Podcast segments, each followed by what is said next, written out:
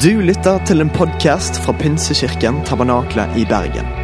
Vi tror at kirken skal være en plass hvor mennesker trives gjennom alle livets faser. En kirke for hele livet. Ønsker du å bli bedre kjent med oss eller holde deg oppdatert? Besøk vår Facebook-side eller ptb.no. Her er ukens tale. Vær så god, sitt ned.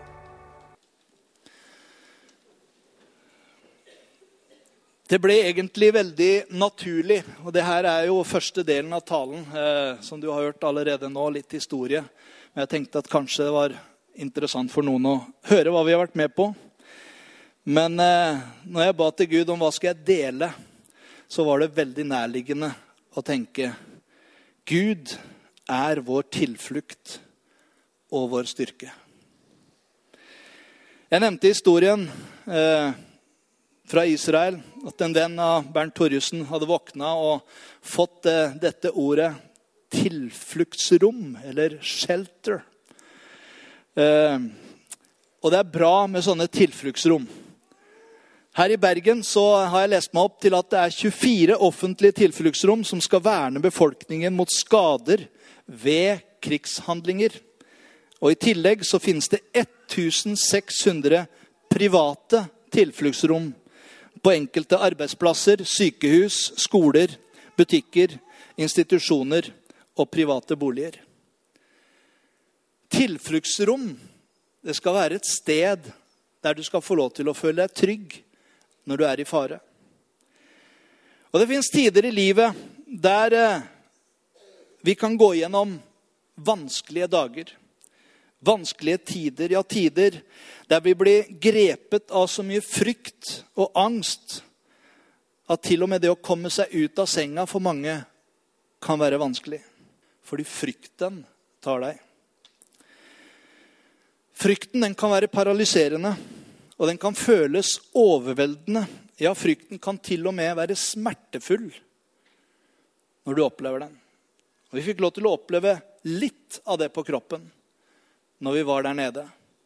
Men tenkte på de tusenvis av mennesker som lever mye tettere opp i krigen, som kjenner på dette til daglig.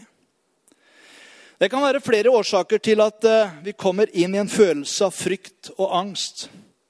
Det kan være tragiske hendelser i personlig liv eller ute i den store verden som får mange til å spørre ikke bare hva vi skal gjøre, men hvem skal vi gå til? Hvem skal vi få hjelp hos? Slike situasjoner kan enten føre oss i en eh, kampmodus. At vi blir litt sånn Nå må vi bare ta dette ordentlig. Vi, får, altså det kommer noe sånn adrenalin inni deg, liksom, så du, du vil ikke gi opp. Eller så er det andre som rett og slett opplever en fluktfølelse om at de bare vil vekk. De takler ikke å møte slike situasjoner.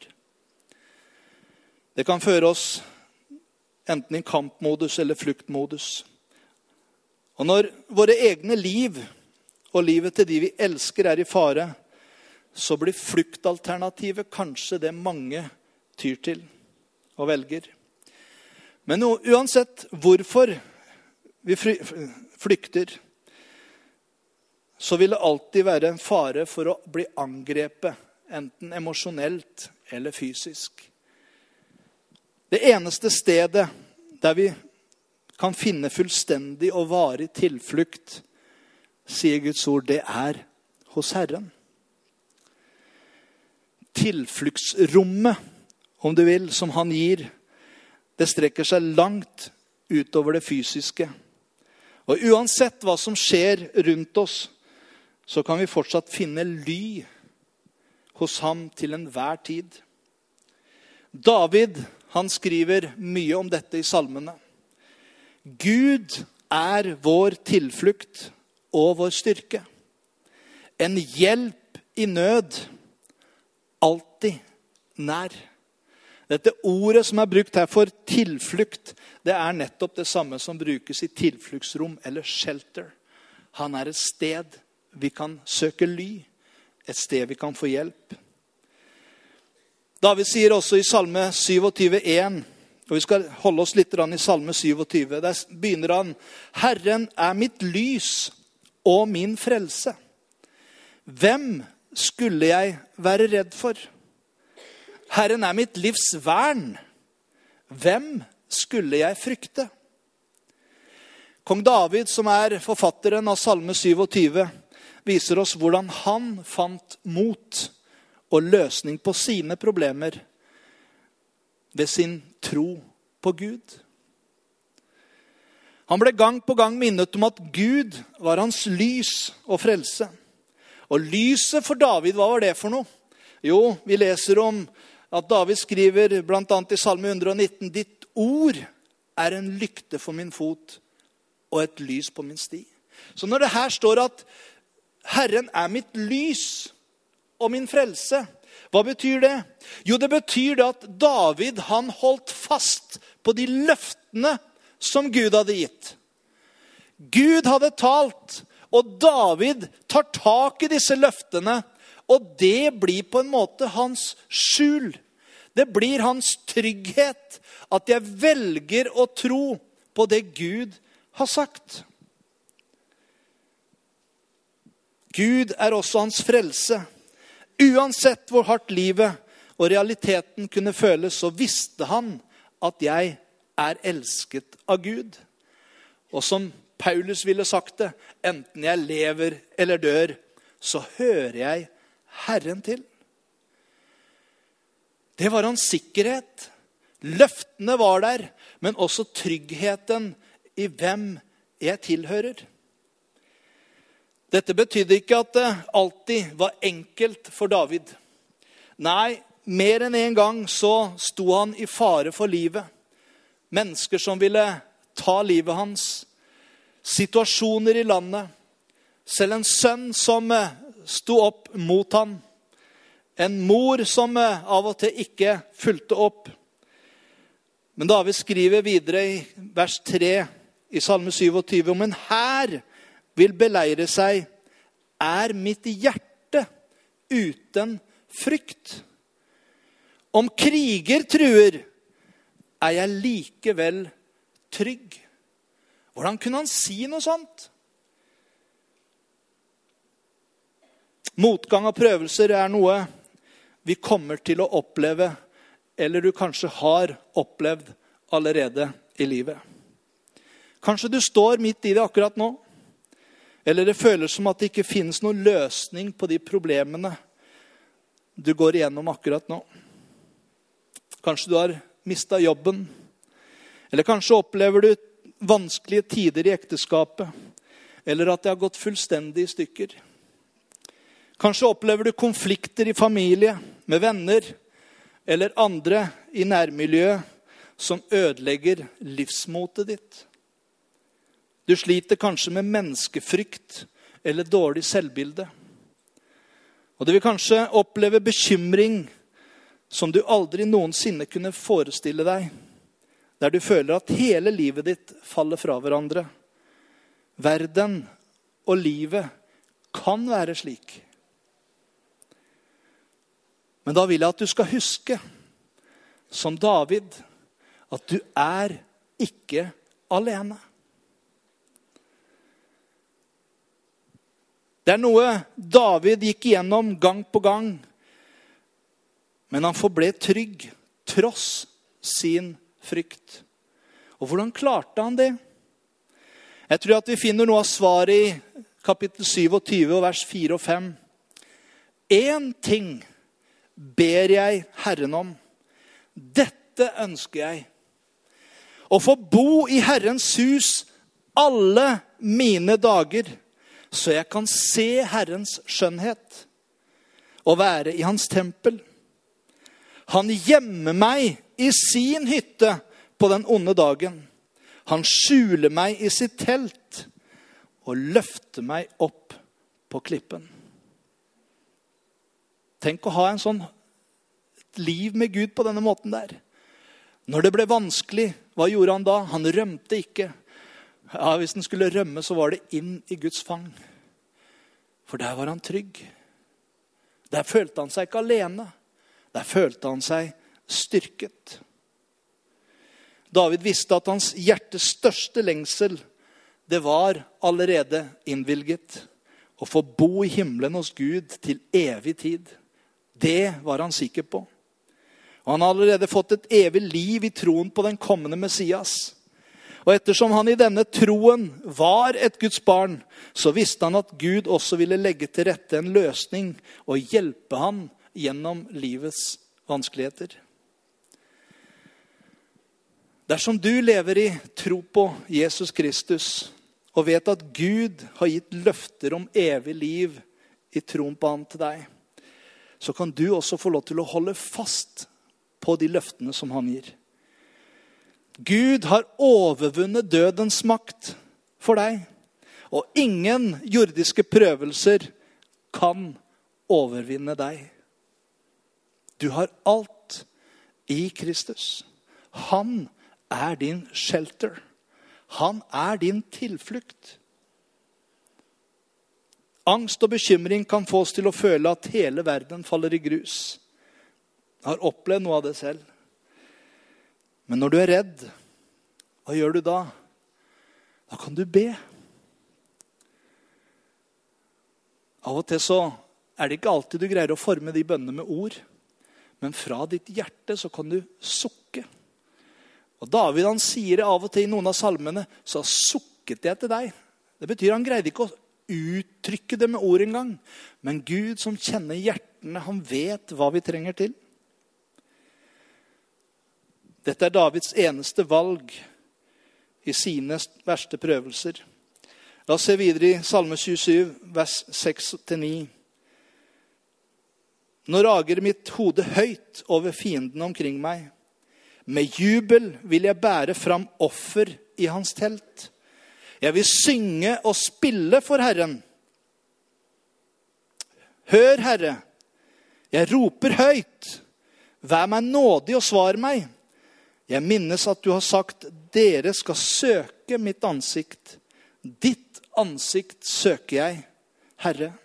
Skjul ikke ansiktet for meg.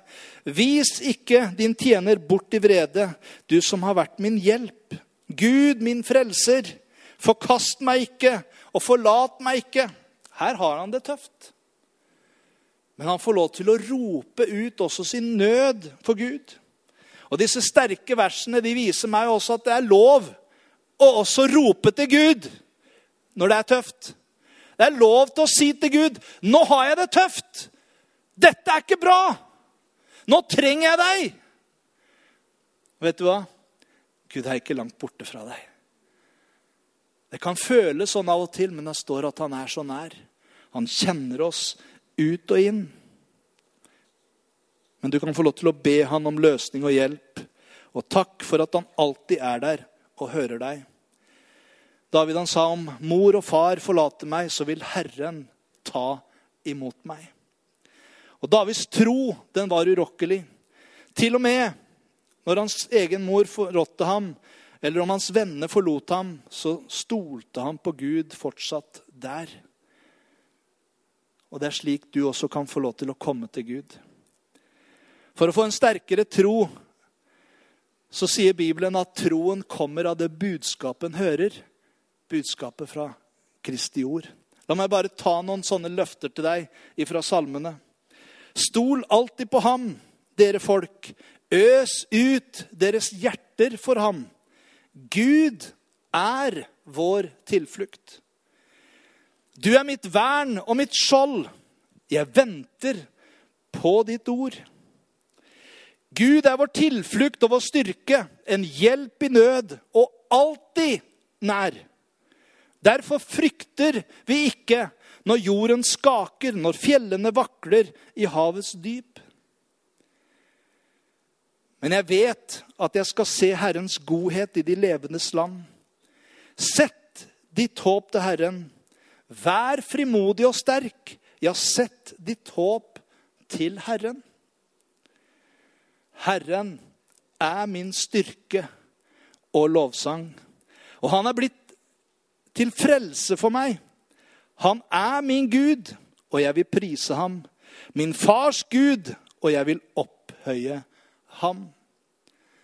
Jeg har lyst til å avslutte med en annen i Bibelen som eh, du har lest om i Nytestamentet, Paulus.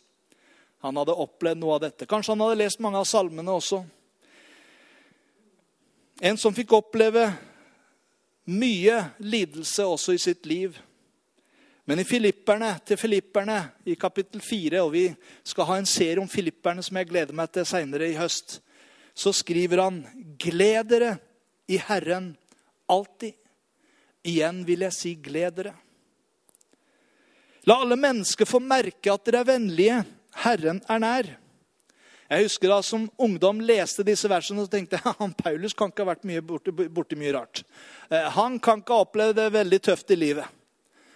Helt til jeg leste en del mer i Bibelen og skjønte at han satt faktisk i fengsel i Roma når han skrev dette brevet. Til Filippi. Og hva hadde han opplevd i Filippi? Jo, han hadde opplevd at eh, når de var på gata der og skulle hjelpe ei dame som hadde blitt eh, besatt av en spådomsånd som noen tjente penger på, så ble hun fri. Og så kom løgnerne og sa at disse kommer og lærer en annerledes religion enn det vi er vant til her. Og så ble de satt inn i det innerste fangehullet i Filippi. Urettferdig? Ja. Hva gjorde dem? Jeg vet kanskje hva jeg kunne vært frista til å gjøre. Kan jeg få en advokat? Dette er urettferdig. Og så hadde jeg sittet og snakka med Silas om at nå har vi det ikke veldig bra her.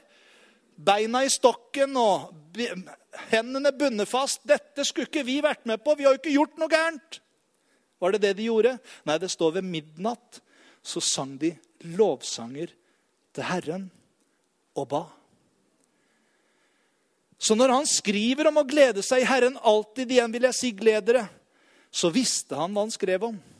Han visste at gleden i Herren er vår styrke. Vær ikke derfor bekymret, men legg alt dere har på hjertet, framfor Gud. Be og kall på ham med takk. Og Guds fred, som overgår all forstand, skal bevare deres hjerter og tanker i Kristus Jesus. Han hadde sikkert også lest Nehemjas bok, der de kommer tilbake og skal bygge opp murene. Og Nehemja sier til folket, vær ikke bedrøvet, for gleden i Herren er vår styrke. Jesus han underviser om dette lite grann i en hendelse som du ser når Jesus kaster ut de som solgte i tempelet. Og så begynner barna der inne, etter at han har rydda ut, å lovprise Gud. Og så sier plutselig fariseerne Hører hva de synger? Få dem til å tie stille. Og det de sang, og det de siterte, det var egentlig fra Salme 8,3. Av småbarns og spedbarns munn har du reist deg et vern for dine motstanderes skyld, for å stoppe munnen på fienden og den hevngjerrige. Lovsang er noe sterke greier. Når du opplever at kampene kommer, fienden kommer, så vil han at du skal sette alt fokus på problemet. For da blir du liten, og problemene blir veldig store. Ja, kanskje for store for mange. Men det Gud ønsker å koble oss på, det er at vi skal få lov til å se hvor stor han er. Og når du bytter ut bekymringen og Jeg sier ikke dette er lett, men du bytter det ut med lovprisning til han. Så skjer det noe i ditt indre når du begynner å gjøre det. Fokuset ditt flyttes fra problemene til Guds storhet. Og når du plutselig får se Guds storhet, så blir problemene mindre. Det skjer automatisk, for han viser hvor stor han er. Og så tenker du hvis Gud er så stor, da vet jeg at han hjelper meg gjennom. Ja, sier du, kan du bruke dette bibelverset sånn? Ja. Når Jesus siterer dette bibelverset i Matteus 21, 16, så sier han ikke 'vern'. Legg merke til det. Men han sier 'av småbarns og spedbarns munn har du latt lovsang lyde'. Så han kobler vern til lovsang. Vet at Når vi har vært i Jerusalem, så er det en mur rundt der. Og Det er ikke for at innbyggerne ikke skal rømme, men det er for at fienden ikke skal komme inn. Når du begynner å lovprise Gud og sette fokus på ham, så mister fienden fokuset fra deg. Og Gud blir stor. Og det blir som et vern for deg. Gud endrer seg ikke. Men du og jeg, vi endrer oss når vi får lov til å begynne å fokusere på Han som eier all makt. Så min utfordring til deg i dag Når du lovsynger Gud, setter du din oppmerksomhet til Ham som kan hjelpe deg ut av frykt og dine vanskeligheter og problemer. Så ikke la frykten overvinne deg. Vær sterk i din visshet om at Herren, som hersker over alt og alle, har full kontroll. Han er med deg. Du er hans barn. Vent på ham, og han vil gi deg styrke. Skal vi stå opp sammen til slutt? Vi skal ha en forbønnsstund etterpå. Jeg har lyst til å gi deg mulighet, du som kjenner at du sliter med ting i livet som du trenger noen til å be sammen med deg. Kanskje også få en mulighet til å samtale med noen etterpå. Så sier Jesus og inviterer oss, kom til meg, alle dere som strever og bærer tunge byrder. Og jeg vil gi dere hvile.